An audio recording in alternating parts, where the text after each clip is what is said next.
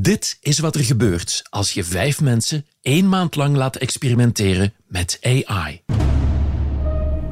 En dan zegt er iemand in het Engels: My name is Barack Obama and I want to congratulate you with your son. En nu ben ik zo'n beetje in de war van wat gebeurt er. En dat is echt van uh, taalmodel. You're not kidding me. Menschen wie mich findest du überall. Auf dem Arbeitsmarkt in diesem Tränental. Uh, yes, but uh, again, could you please identify yourself? Hi, this is the voice of AI. Ik weet niet of ik nog zoveel zin heb in deze podcast. Ja, ze gaan mij afschaffen, Erwin. Ja, what the fuck. Roodkapje was een ge mokkel. Wel, ik ben op weg naar een nachtwinkel, maar... Uh, zeg maar. Dus het is niet gelukt met mij, hè? Maar langs geen kanten. Nee, nee, nee, nee. Langs geen kanten. Nee, dat vind ik ook. Ik, hier ben ik, uh, hoe zeg je dat? Blown away van dat laatste. Dus je kunt uh, mijn omgeving ook blackmailen. Dat is niet de bedoeling. Maar als de processen ook naar de artificiële, artificiële schrijver gaan, dan is het goed. Exact 35 jaar geleden stapte ik voor het eerst een radiostudio binnen en sindsdien is er veel veranderd. Van LP's en banden over cassettes naar CD's, van 25 muzieksamenstellers die handmatig songs pikten naar één computerprogramma dat automatisch playlists genereert, van analoog naar digitaal, van FM naar DAB+ en online. Al deze en nog veel meer veranderingen heb ik de voorbije jaren voor mijn microfoon zien gebeuren. En nu is er AI. We worden elke dag overspoeld door zoveel nieuwe AI-toepassingen dat we door het bos de bomen niet meer zien. Maar ik ben wel nieuwsgierig. Wat gaat artificiële intelligentie betekenen voor tekst, muziek en zelfs stemmen? Is dit misschien wel de grootste evolutie van allemaal? Of zal het zo'n vaart nog niet lopen? Wel, totaal geen idee. Maar in plaats van erover te praten, hebben wij gekozen om het te gaan uitproberen. Samen met het audioteam van de tijd en met de gewaardeerde steun van EY experimenteer ik één maand lang met AI. Ik ben Erwin Dekkers en welkom bij de Ionauten. Zullen we? Zullen, we zullen. We zullen, we zitten klaar. Het is Ja. 10 over 2, 20 april. Is er zin in? Ik weet niet wat er gaat gebeuren eigenlijk. ik ben gewoon uh, present. Dit zijn de Ionauten tijdens hun eerste meeting. Lara, Ben, Anne-Sophie en Karel. Samen met deze bende experimenteer ik een maand lang met AI-tools. De belangrijkste aanleiding waarom ik hier zit is een bericht op social media enkele weken geleden over de start van Radio GPT. Dat is een radiostation waar zowel de stemmen als de content gegenereerd worden door artificiële intelligentie. Dat klonk interessant, ik benieuwd natuurlijk, maar echt hoge verwachtingen had ik niet. Tot ik op de link klikte en dit hoorde. Voice you hear on Radio GPT is 100% AI. Here's what's trending on social media in Springfield, discovered and delivered in real time. On Radio GPT. Springfield's Price Cutter supermarket is giving people free wine in exchange for reviews. They are going to pick Dit is geen echte stem en ook het bericht is geschreven door AI. En het resultaat is griezelig echt. Je hoort geen verschil met een door de weekse radiostation in de Verenigde Staten. Dit fragment was de trigger om zelf te experimenteren met AI-tools voor tekst, muziek en stem. Goedemorgen. Hey. Ja, je hebt ook een speciale microfoon. Ja, ja, ja. ja. ja ik... Voor we zelf beginnen te knutselen, leek het ons interessant om wat uitleg te vragen bij een wereldautoriteit in AI. Chris Ume, ex-collega van me en ondertussen wereldberoemd geworden door zijn deelname aan een van de grootste televisieshows in de wereld, America's Got Talent. Metaphysic, you made the AGT finals. We want to win it. We want to show the world what we can do. We want to make the impossible possible. Now, I think we're up for it. Dat overdreven zinnetje, we want to make the impossible possible, dat is Chris. Hij maakt normaal gezien deepfake-video's met zijn bedrijf Metaphysic. Met deepfake-technologie kan je bestaande videobeelden manipuleren met AI. Maar in de finale van Got Talent ging Chris een stap verder. Niet alleen bracht hij Elvis weer tot leven, maar ook zijn stem. Thank you. Thank you very much. It's as an honor to be here with y'all on America's Got Talent. Uh, I'd like to thank Tom, Chris, and Metaphysic for having me here tonight. I have to tell you, we're going to do a couple of our biggest records for you now. And this first one is a tender love song. And as a great philosopher once said, You ain't nothing but a hound. De zangstem komt simpelweg van een Elvis-imitator. Maar de sprekende Elvis is volledig nagebouwd met AI. Ik vraag Chris hoe hij dat gefixt heeft. Dus voor het stukje waar het Elvis spreekt in het begin van America's Got Talent, daar hadden we eigenlijk uh, een, een, vijftal versies van gemaakt. En we hebben daar eigenlijk interviews van verzameld, van Elvis zelf, van bepaalde tijdperken. En daar hebben we dan Elvis in stem gewoon op getraind. Heel simpel gezegd is dat uh, je zoekt je data, je input data, je traint daarop. Eén keer dat als je een getraind model hebt, dan kun je dat linken aan eender welke stem. Dat kan aan mijn stem of wie dan ook. En we hebben dan de stem van onze impersonator die op onstage staat, hebben we dan ook in dat model vermengd, zodat dat model exact wist van kijk, als onze impersonator hello zegt, hoe zou Elvis die hello zeggen? Je hebt dus een model nodig en dat klinkt moeilijker dan het is, want het gaat eigenlijk over software die tegenwoordig voor iedereen online beschikbaar is. Die software moet je trainen met de stem die je wil kopiëren, in dit geval die van Elvis. En dat mag niet zomaar. Ik weet dat we zeven goedkeuringen nodig gehad hebben om dat te mogen doen. Toen dat wij het aan America's Got Talent hadden aangekondigd van wij willen Elvis, die verklaarden ons helemaal zot. Van dat gaat jullie nooit weer lukken, we hebben dat al vaak geprobeerd. En we hebben gezegd dat gaat ons lukken. En enkele dagen later hadden we toestemming. Ik denk dat het heel belangrijk is dat iedereen recht heeft op zijn eigen stem en likeness, want dat is uniek. En jij, moet daar recht over hebben. Dat, dat, kan niet zomaar dat mensen dat gaan beginnen gebruiken in commercials en, en, en voor, voor whatever eigenlijk. Dus het is heel belangrijk dat er toch wel regels komen. Maar het is ook een beetje het Wilde Westen momenteel wat dat gevaarlijk is. We zijn gewoon aan het wachten op een grote rechtszaak, denk ik ergens. Het gaat gewoon gebeuren, want, uh, uh, niet iedereen houdt daar rekening mee. En dat de juridische kant van de zaak niet onbelangrijk is, dat gaan we nog merken in deze podcast. Ik neem afscheid, want we moeten allebei dringend verder. Chris gaat naar Los Angeles. Hij werkt daar aan de nieuwe film van Tom Hanks. En ik moet dringend mijn gras gaan maaien, want dat staat veel te lang. Iedereen heeft zo zijn prioriteiten.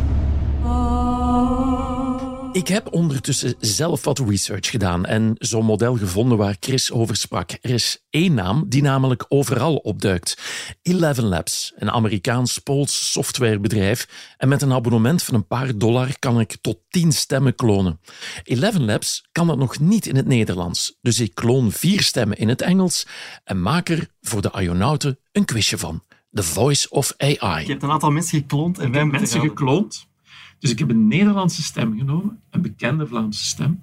Ik heb die in de AI gestoken en ben benieuwd of jullie hem gaan raden. En we luisteren het uit of moeten we zo snel mogelijk roepen? Jawel, ik was ook benieuwd eigenlijk.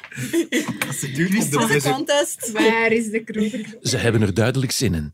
De eerste stem is nogthans niet simpel. Hi, this is the voice of AI. Do you know who I am? I am really famous in Belgium. You can see me on TV. Dat is precies een, echt een Amerikaan. Ja. ja, het klinkt heel Amerikaans of Brits. Maar... Nee, nog niet. Nee. I sing in a band. I have a well-known podcast. Oh, Alex Agnew. Uh, and uh, you also can find me on stage where I make strange noises. Dat Antwerpse, dat Antwerpse, dat mis je wel een beetje. Uh, nee, ja. Het volume wel zo in zijn stem. En, uh, Die vond ik zelf eigenlijk helemaal niks. Leek in de verste verte niet op Alex. Tweede poging dan maar. Hi, this is the voice of AI. Do you know who I am? Normally you should know me because you can see me often on national TV. Goedele Wachters? Nee. Uh, nee, uh, die andere. Die danseres. Hanna. Hanna de Kouter. At my work there is a little office where I read a lot and even write a lot. Wow. Isabel Albers? Nee. I like to discuss politics and to make it totally obvious who I am. I'm a colleague of you all. So, come on. Ja, jawel. It shouldn't be that hard now. Yeah, yeah, ja. Maar je weet het vanuit de... Uit de... de het helpt dat er... Uh, ik zeg direct het glazen kot uh, waar uh, Isabel geweest voor mijn ogen. Maar, maar ik vind dat wel herkenbaarder dan Alex Agnew. Isabel Albers uit het glazen kot is algemeen hoofdredacteur van De Tijd. De grote baas van Ionaut Ben dus. Hij herkende haar vrij snel. Dit is hoe Isabel echt klinkt. Je hebt Paul Magnet, Bart de Wever, Egbert Lachaert, om er maar enkele te noemen met ronkende verklaringen. En dit is de kloon nog eens. At my work there is a little office where I read a lot and even write a lot. Straks vraag ik haar wat ze er zelf van vindt. Voor de derde stem ging ik een stap verder. Wat doet AI-software met de stem van Samson? Inderdaad, de hond. Hi, this is the voice of AI. Do you know who I am? I'm a well-known Belgian TV personality. I sing. Iemand die veel roept. Yeah. eh, I recorded a lot of songs, and I'm always together with a girl with a blue skirt. The girl with the blue skirt? Normally, I start my sentences with moi seg, hey, and maybe also important, I'm a dog. maar langs Ja. geen kanten. Nee, nee, nee, nee. Langs geen kanten. Nee, dat vind ik ook niet. Nee. Dit was er dus volledig naast. Samson is duidelijk buiten categorie. De vierde en laatste stem. Hi, this is the voice of AI. Do you know who I am? I am a voice that you normally hear every day early in the morning. In fact, you all know me very well. I also like counting, especially from 1 to 7. Bert. Vind ik, ja, Bert Eymen, dat vind ik redelijk spectaculair. eigenlijk. Bert Rijmen is onze dagelijkse host van de podcast De Zeven. Dit is zijn echte stem. De economische vooruitzichten voor volgend jaar zijn somber en onzeker. De energieprijzen blijven hoog, onze koopkracht daalt en de rentabiliteit van bedrijven staat onder druk. En dit is zijn kloon. I also like counting, especially from 1 to 7. And for the record, this is not my real voice. En eerlijk waar, dit is toch even schrikken. Ik ben geen specialist, geen computerwetenschapper. En ik kan met een publiek beschikbare tool een stem nagenoeg perfect klonen. Elke tekst die ik intype, spreekt hij nu uit zoals Bert Rijmen dat zou doen. En zoals later in deze podcast zal blijken, dat kan vervelende gevolgen hebben.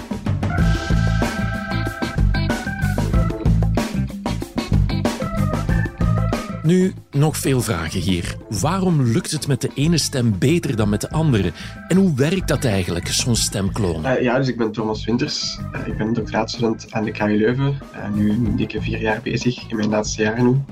Eh, en ik onderzoek creatieve artificiële intelligentie en vooral computationele humor. Deze Thomas hoor je links en rechts al opduiken als het over AI gaat.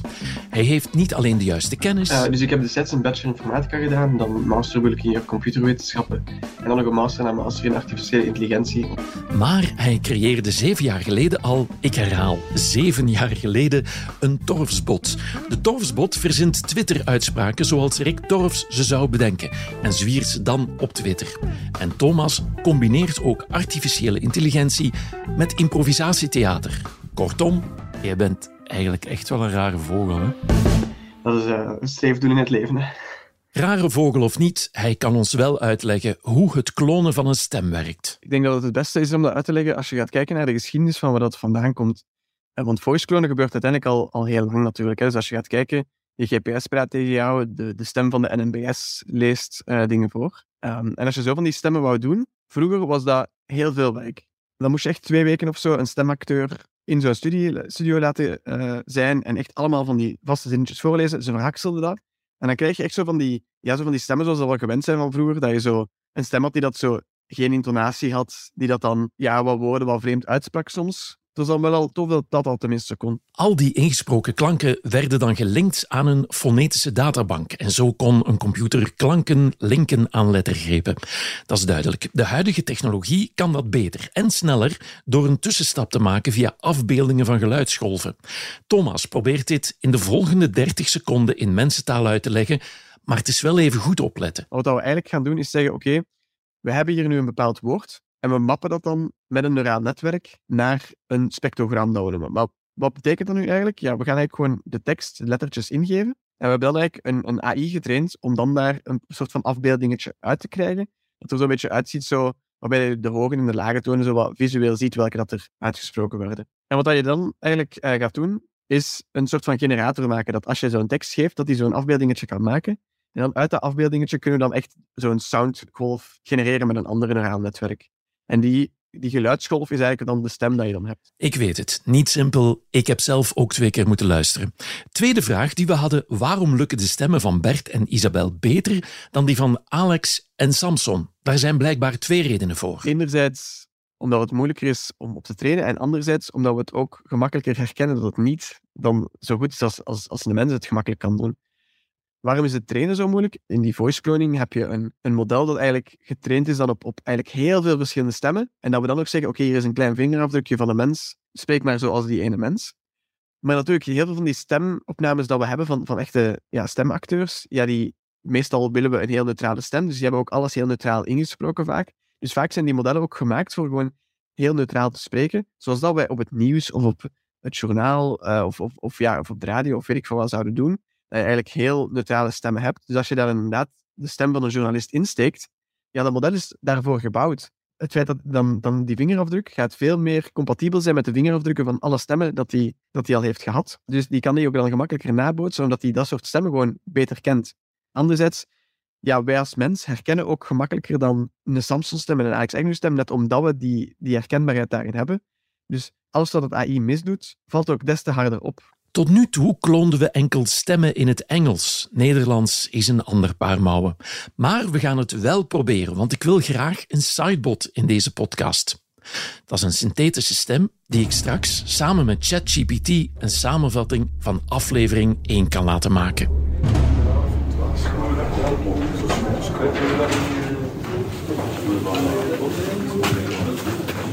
Hey Isabel.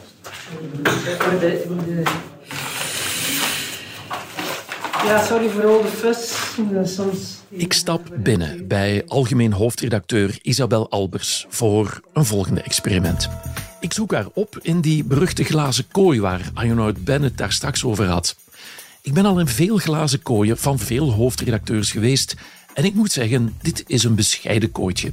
We zitten ergens centraal op de redactie. Er staat een bureau en een tafel met wat stoelen. En op die tafel veel papier. En uiteraard veel kranten die ze nog snel probeert op te ruimen, zodat ik mijn laptop ergens kan neerzetten.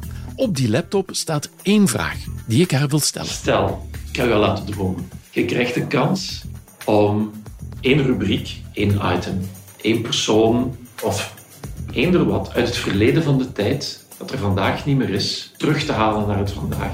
Wat zou dat dan zijn? Oh, daar moet ik niet lang over nadenken. Kaiman. Kaiman. De naam is alweer gevallen. Ik wandel nu al ongeveer twee jaar af en toe rond op de redactie van de tijd en de naam Kaiman is tientallen keren genoemd. Voor de niet-de tijdlezers, Kaiman is het alter ego van journalist Koen Meulenaar, die ondertussen met pensioen is gegaan. Zijn column was gigantisch populair en zijn schrijfstijl die was uniek. Ja, elk woord gewikt en gewogen en bijzonder grappig. Heel vlijmscherp. Er zat altijd verontwaardiging in zijn columns. Maar ja, je leert de personages gaandeweg kennen. Hij maakte satire van, van, van heel veel politici, ondernemers, maar ook van zichzelf. Het grappigst vond ik nog als hij zichzelf beschreef dat hij als een complete slungel in een elektrozaak ja, een of ander onnozel apparaat ging kopen en dan de pasmuntjes niet snel genoeg gewisseld kreeg. Uh, of zich zat op te jagen in enkele gepensioneerden die dan uh, lange babbeltjes sloegen aan de kassa. Of zo hele simpele dingen, maar waar hij eigenlijk zichzelf, uh, waar hij de draak stak met zichzelf. Denk je dat we erin gaan slagen om zijn schrijfstijl te kopiëren? Nee. Nee, ik denk het niet. Het zou heel straf zijn. Dat zou heel, heel straf zijn. ChatGPT van OpenAI is op dit moment zowat de bekendste tool in AI-land. De vraag is, slagen wij er zelf in om ChatGPT te leren hoe het een schrijfstijl kopieert? We doen een eerste test met een andere bekende columnist en schrijver, Herman Brusselmans. Ik leg het voor op de Ionauta meeting. Goed, wat is de insteek? Herman is net papa geworden. Dus ik vraag me dan wel af, stel dat Herman binnen dit en x aantal tijd aan zijn, wat is het, zoontje denk ik? Zoontje. Is het Ik weet het niet Roman. zeker. Oké, aan Roman, zijn zoontje, een verhaal gaat vertellen. Ja. En die vertelt uh, het verhaal van Roodkapje. Hoe gaat het verhaal van Roodkapje verteld worden door Brusselmans? Roodkapje op zijn Brusselmans dus. Ik ga er zelf mee aan de slag en na enkele pogingen komt er een tekst uit die ik projecteer voor de neus van de Ionauten. Resultaat? Ongemakkelijk gegniffel. Klinkt wel Brusselmansiaans. Hij, hij zal het zelf niet graag horen, maar wij herkennen het er wel Ja, in. ja. Ook Isabel laat ik deze test al eens zien. Je hoort het hem zo voorlezen, hè? Oh, maar toch niet als zijn zoon, mag ik hopen. Zou je dit willen voorlezen? Nee. Nee, daar zijn veel betere mensen voor dan ik. Ja. Het was het proberen waard. Ik vind straks wel een ander slachtoffer om het voor te lezen.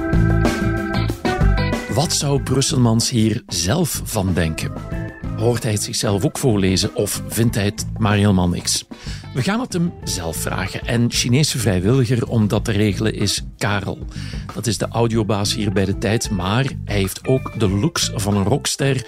Dus ideale persoon om met Herman af te spreken. Karel krijgt hem na enkele pogingen eindelijk te pakken. Je hoort onze rockster zich met veel voorzichtigheid en een vleugje zenuwen door het gesprek spartelen. Ja, Herman. Ja. Hallo, met eh, Karel Dieriks van eh, De Tijd. ja, Stuur ik je niet? Wel, ik ben op weg naar een nachtwinkel, maar... eh, zeg maar. In, in ene minuut. eh, we zijn een podcast maken aan het maken over artificiële intelligentie. En ik zou misschien eens u daarover... Allee, niet misschien, ik zou u daar heel graag eens over spreken. Omdat dat natuurlijk ook gaat over schrijfstijl, over schrijfstijl nabootsen, over allee, wat in een ChatGPT allemaal kan. Dat is onwaarschijnlijk. Ja. En eh, ik zou u eens een aantal dingen willen laten zien dat wij gemaakt hebben. Eh, misschien waar dat jij ook wel van zult ogen opentrekken. Nou ja, oké, maar dat zullen we dan iets later afspreken, want ik heb het op dit moment nogal druk. Ja? Als je mij nog eens belt, begin ik dan een datum afspreken. Oké, perfect. Heel goed. Oké? Ja, super. Ja, oké, tot dan, hè. Jo, merci. Bye bye. Oké, het was niet de allervlotste babbel van onze rockster, maar de buit is binnen. De afspraak wordt vastgelegd en Karel mag binnenkort op sprookjesbezoek bij Herman. Ik bel ook nog even naar Karel, want ik zoek nog iemand om die tekst eens voor te lezen voor jullie. Erwin? Hey Karel. Zeg, Hallo? Ja, eh, nog, Ja? Een, nog een vraagje. Die, Ja? die tekst van Brusselmans, zou jij die even kunnen inlezen? Jij moet dat toch nog oefenen hè, voor als je naar daar gaat. Eh, ja, Eh, welke? De, de roodkapje tekst? Ja, die ja. Ja, jij moet mij nog eens eh, doorsturen. Hè? Ah, ik zal ze doorsturen. Nee, heel goed. En in de studio? Als het kan, mooi. Mooi voorgelezen, zoals een sprookje. Mooi voorlezen zoals een sprookje, oké, zal ik doen. Jij bent toch een kanjer. Oké. Zijn jullie dit aan het opnemen, of what the fuck? Oké, goed. Ik weet niet of ik nog eh, zoveel zin heb in deze podcast. En of hij er nog zin in heeft. Luister maar. Roodkapje was een geil mokkel dat er niet voor terugdeinsde om met elke knappe vent het bed in te duiken. De boze wolf was een gestoorde teer die er niet vies van was om een flink potje te n***en en wat bloed te vergieten. Hij zag Roodkapje wel zitten en besloot om haar eens flink te n***en. Toen Roodkapje bij haar oma aankwam, bleek de boze wolf al langs te zijn en had hij die oude slet opgegeten. Hij lag nu te wachten op zijn volgende prooi. Maar Roodkapje was niet van plan om zich zomaar te laten opvreten door die vuile hond. Ze speelde het spelletje mee, maar wist uiteindelijk te ontsnappen en de wolf een flinke trap tegen zijn bab te geven. De boze wolf die zich had verkeken op de pit van Roodkapje, droop af met zijn staart tussen de poten. Roodkapje en haar oma leefden nog lang en gelukkig, terwijl de wolf in zijn eentje zijn piep lag te masseren. Het was een verhaal van geilheid en geweld, van goed tegen kwaad en van slimheid tegenover brute kracht. De schunnige taal is uiteraard maar één stijlelement van Herman Brusselmans. Maar wel zo typisch dat ChatGPT een herkenbare Brusselmans tekst kan genereren, zelfs als het om een sprookje gaat. Maar ons doel is een Kaiman-tekst. Die is een stuk moeilijker na te bootsen. En dus moeten we het AI-model gericht kunnen trainen. En daar hebben we hulp voor nodig. Ik weet exact eh, bij wie dat we daarvoor kunnen aankloppen. Eigenlijk. Dit is Arnoud Ben tijdens een van onze meetings. Je hebt in eh, Antwerpen, aan de Universiteit Antwerpen, een vakgroep Clips, eh, waar dat Alfred Dalemans, uh, de peetvader, En eh, die kunnen perfect op basis van ChatGPT een, een column in de stijl van Kaiman te schrijven. Ben Seruren houdt niet van gras dat ergens overheen groeit, als u begrijpt wat ik bedoel. Hallo. Dag eh, Walter, met Ben Seruren van de Tijd. Dag Ben. Hey, is dit een eh, goed moment voor jou? Wel, dit is een perfect moment. En die Walter is een stuk optimistischer dan Isabel over de slaagkansen van ons experiment. Maar ik denk dat het heel realistisch is. Hè? Dus die, eh, die grote modellen, die grote taalmodellen, die maken een onderscheid tussen inhoud en stijl. Dus je kunt daar een soort van stijltransplantatie op toepassen. Ja, dus dus- we hopen dat dat ook eh, lukt voor, voor, eh, voor Kaiman, zijn eh, specifieke stijl. Maar zo simpel blijkt het nu ook niet te zijn. We hebben heel wat columns van Kaiman, maar die AI-modellen worden doorgaans met veel meer data getraind. Dus enkele honderden columns. Dat, dat is niet zo heel veel. Hè. Dus, dus eh, we moeten zien of dat gaat, gaat werken.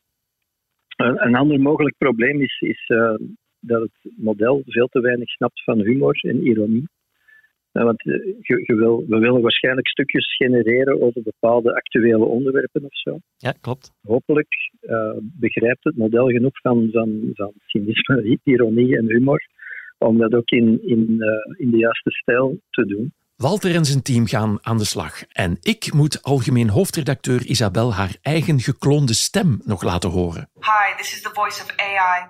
Do you know who I am? Normally you should know me because you can see me. Wat. Vreselijk. Of vind je het slecht? Ja, ik, ik, kan naar mijn eigen stem niet luisteren, dus zal het wel goed gedaan zijn, want ik ik heb net dezelfde trill zo van elk. Ze herkent zichzelf vrij snel, al is het om de verkeerde redenen. Isabel maakt iets later ook wel een grapje dat stof tot nadenken geeft. Dus je kunt eh, mijn omgeving ook blackmailen. Dat is niet de bedoeling. Stemmen klonen is leuk om quizjes mee te spelen, maar wat als je zo'n gekloonde stem voor minder legale doeleinden gebruikt? De vraag is zelfs, is het klonen van een stem wel legaal? Ja. Eh, wel, ja, het- natuurlijk, het recht is nooit zwart-wit, ehm, maar in principe mag dat niet. Hè. Dit is Nele Somers. Zij runt Artes, een advocatenkantoor dat onder andere gespecialiseerd is in intellectueel eigendomsrecht. Ze legt me uit dat er wel degelijk zoiets bestaat als een recht op een stem. Ik bespaar jullie alle artikels en wetteksten, maar het komt erop neer dat je toestemming nodig hebt om iemands stem te klonen.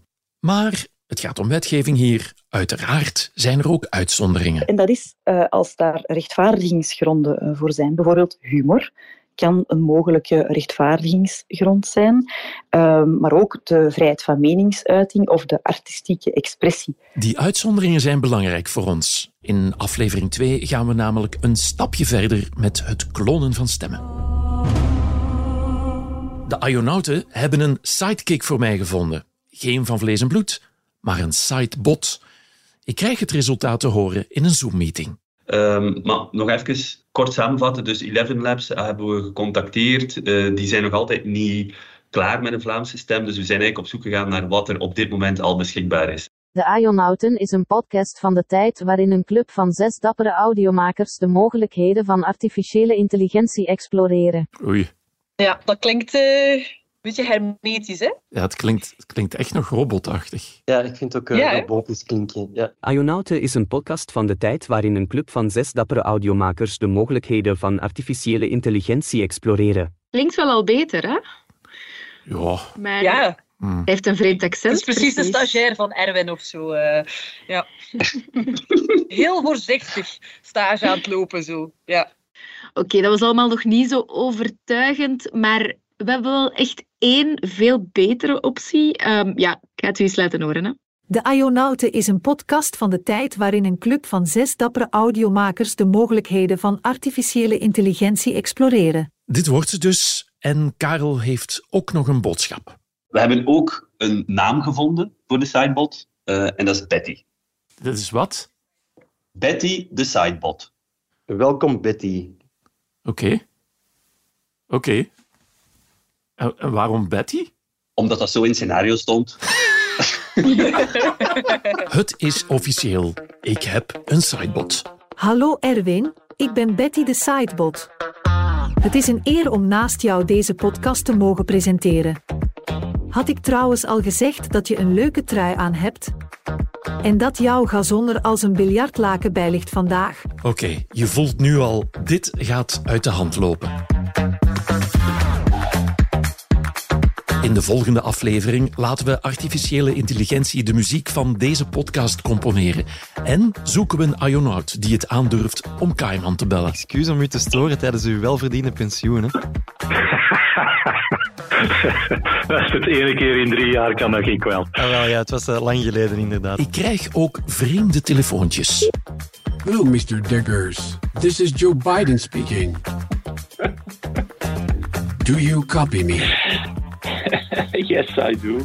Hello, Mr. Biden. En we horen wat Herman Brussemans vindt van zijn AI-versie van Roodkapje. krijg je schrik als je dit ziet. Als dat beter wordt, dan kun je zeggen dat het een eh, zware concurrentie is, eh, die misschien voor schrijvers, die misschien wel leidt tot de dood van de literatuur. Als afsluiter rest ons nog één laatste test. Hoe kan ChatGPT deze aflevering samenvatten? We zetten alle audio om in een tekstbestand, kopiëren dit naar ChatGPT en laten Betty de Sidebot het voorlezen. In deze aflevering doken de Ionauten in de wereld van de artificieel intelligente radio, waar de DJ een robot is. Ze spraken met Chris Ume over het reproduceren van Elvis Presley's stem. Erwin nam een gewaagd experiment aan met Eleven Labs en kloonde stemmen voor een paar dollar.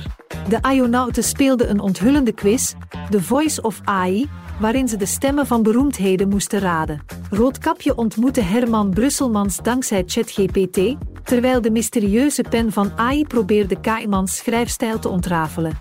Eén ding is zeker, artificiële intelligentie blijft de wereld van radio en podcast fascinerend beïnvloeden. Zeg die Betty. Jesus, man. Echt, daar zou ik niet meer willen getrouwd zijn, ze. Goh, hoe klinkt die wel? En ze kan AI niet eens uitspreken. Het is zelf een AI-stem.